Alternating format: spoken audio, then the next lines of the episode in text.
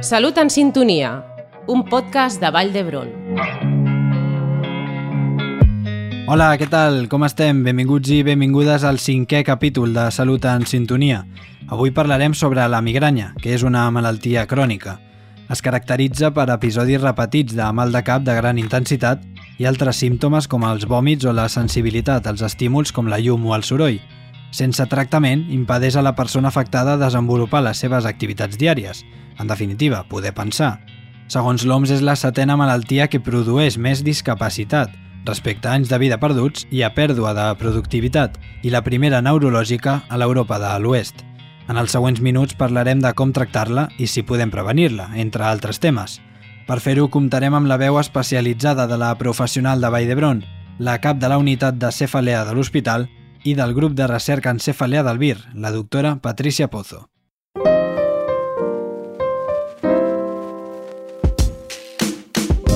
Com actua la migranya? Doncs és la conseqüència de l'activació o irritació de les fibres del nervi trigemin, un nervi de tres branques que transmet la sensibilitat del cap. Les fibres que provenen de la primera branca envolten els vasos sanguinis, les artèries, localitzats a les meninges, les meninges estan constituïdes per diferents capes de teixit que recobreixen el cervell i són les estructures que tenen receptors de dolor, perquè estan envoltades d'aferents sensitius d'aquest nervi trigemin. El cervell en si mateix no fa mal, sinó el que el cobreix. Durant un atac de migranya es produeix una inflamació de les meninges a conseqüència de l'alliberament de substàncies inflamatòries del trigemin. Aquesta inflamació no infecciosa de les meninges, o meningitis, és responsable de provocar el dolor i fa que, quan movem el cap, el dolor empitjori o augmenti. Per aquest motiu, estar en repòs ens alleuja. La doctora Patricia Pozo, cap de la unitat i del grup encefalea, ens diferencia el mal de cap de la migranya. El dolor de cabeza es un síntoma que decimos en medicina, pero la migraña es una enfermedad en la que uno de los síntomas es tener dolor de cabeza de forma episódica y recurrente, es decir, de vez en cuando se va teniendo dolor de cabeza pero asociada a otros síntomas, como por ejemplo, pues molesta a todos, la luz, los ruidos, se tienen náuseas incluso, se vomita, el movimiento, si no se puede pensar bien, hay como un poco de dificultad i torpeza mental. La durada d'una crisi de migranya habitualment dura entre 4 a 72 hores i pot presentar-se des d'un cop a l'any fins a tenir mal de cap cada dia. Els símptomes. Quan patim migranya podem tenir dolor pulsatiu intens o dolor sord en un costat del cap o a tots dos, dolor que empitjora amb l'activitat física, inapetència, nàusea o vòmit, canvis en la visió que pot ser fins i tot borrosa o tenir punts secs, molèstia causada per la llum, el soroll o les olors, cansament i confusió, sentir fred o suar, el coll tens o sensible al tacte, un mareig lleu i sensibilitat al tacte en el cuir cabellut. La doctora Patricia Pozo ens explica si l'estrès pot ser una causa de la migraña. Afecta porque ayuda a desencadenar episodios. Lo importante por eso para los migrañosos, y esto cuando se lo cuento en la consulta siempre a veces, bueno, a veces se sorprenden, eh, es que ocurre después del estrés. En los momentos de estrés estamos biológicamente preparados para soportar lo que tenga que llegar. Es decir, cuando hay picos de estrés, se libera mucha adrenalina, cortisol, son hormonas, son proteínas que se liberan en sangre y nos permiten soportar lo que haga falta un poco. Pero es cuando nos relajamos después de grandes picos de estrés y se produce un cambio precisamente en estos niveles que van a provocar el estrés, ¿no? que el cerebro entonces nota que se relaja y aprovecha, entre comillas, para eh, reponerse y es cuando tienen, eh, o se tienen más ataques de migraña. Hem de tenir en doncs, que és molt més probable que la migranya aparegui passat el moment d'estrès.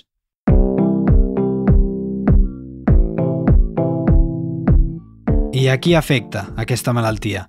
Doncs la migranya és tres vegades més comuna en dones que en homes i generalment s'inicia abans dels 30 anys i no més tard dels 50. És freqüent que hi hagi antecedents familiars, tot i que no sempre, en algunes persones pot desencadenar-se per estímuls o situacions com olors intenses, llums brillants, canvis de temps, alteracions del ritme del son, variacions hormonals o estrès. Tot i que es pugui desencadenar per diversos estímuls, la doctora Pozo ens comenta quin és l'origen de la migraña. La migraña es una enfermedad profundamente o esencialmente genética. Eh, vienen, vienen familias. Hay familias con migraña y hay familias donde no hay migraña. Eso tampoco significa que cada persona migrañosa vaya a tener a todos los hijos, o sea, que todos sus hijos vayan a acabar siendo migrañosos, pero alguno por ahí aparecerá y normalmente le damos también mucho de nuestros abuelos. Es decir, a veces hay que buscar en la generación por encima de nuestros padres y a veces ahí sí que hay alguno de los cuatro o más de uno de los cuatro abuelos que puede ser que haya sido pues, previamente migrañoso. Per tant, no podem canviar la nostra genètica per decidir si volem patir o no volem patir migranya, però sí que la podem tractar per reduir-ne els símptomes o per prevenir-la.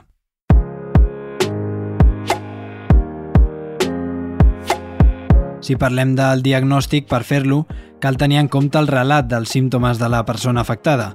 Després s'ha de realitzar una exploració física i neurològica detallada, que en la persona amb migranya ha de ser normal – Segons aquesta primera aproximació, el professional sanitari valorarà la necessitat de fer altres exploracions complementàries per descartar altres malalties i confirmar que es tracta de migranya.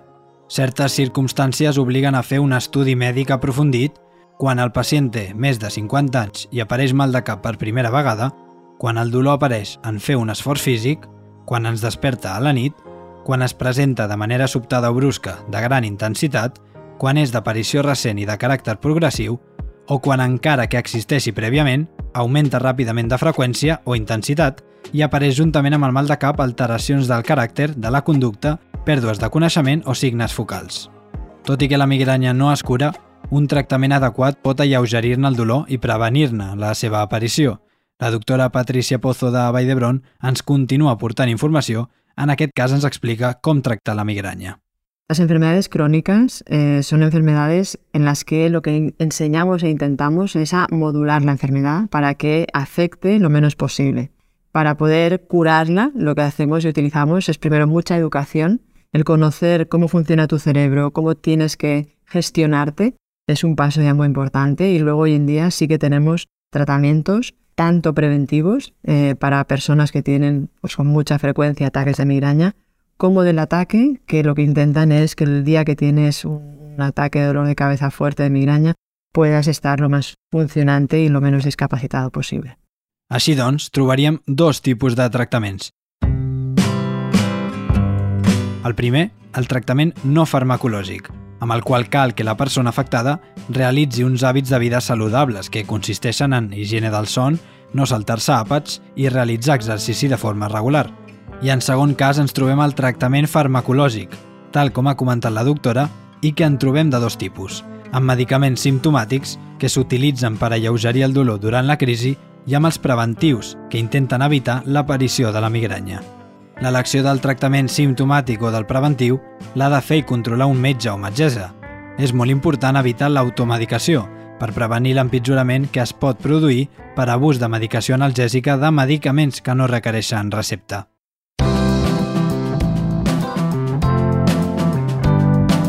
Ara toca parlar de la prevenció, perquè una manera de prevenir la migranya és intentar evitar allò que la desencadena o empitjora.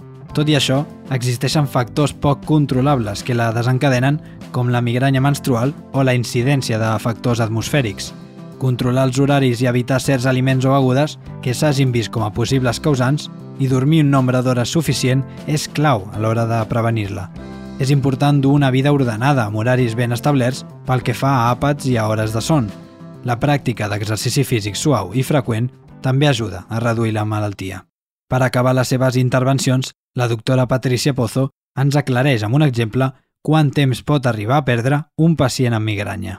Si una persona tiene 54 años empezó su migraña a los 14 y tiene un día de migraña a la semana, si hacemos este cálculo, serían 52 días al año, y esto lo vamos multiplicando por los 40 años de vida que ha tenido esta enfermedad, Esto suma aproximadamente, y me tenéis que creer y si no calculadlo, unos seis años de vida. Esto significa que durante seis años, que pasa que ha sido a trozos, no ha podido ser quien tenía que ser. Un pacient de migranya pot passar-se fins a 6 anys de vida patint la malaltia, és a dir, 6 anys de vida que no ha pogut ser ell. Les idees clau d'avui, en un minut.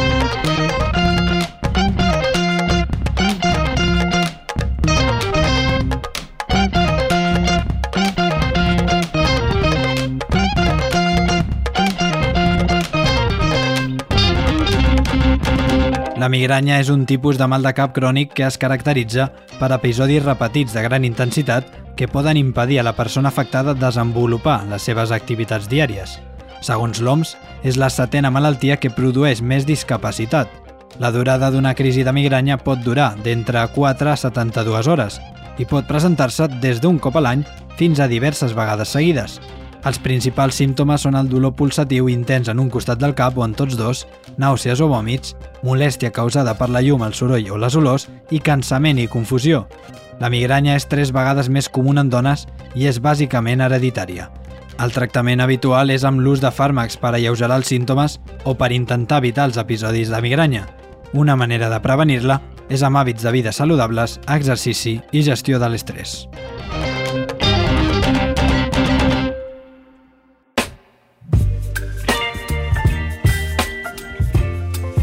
Fins aquí el cinquè capítol de Salut en Sintonia sobre la migranya. Estigueu atents als següents programes per parlar de més consells de salut, més tractaments, més malalties, però com ja sabeu, sempre amb veus de professionals assistencials. Gràcies per l'atenció i la confiança. Ens escoltem en el següent programa. Fins aviat. Cuideu-vos.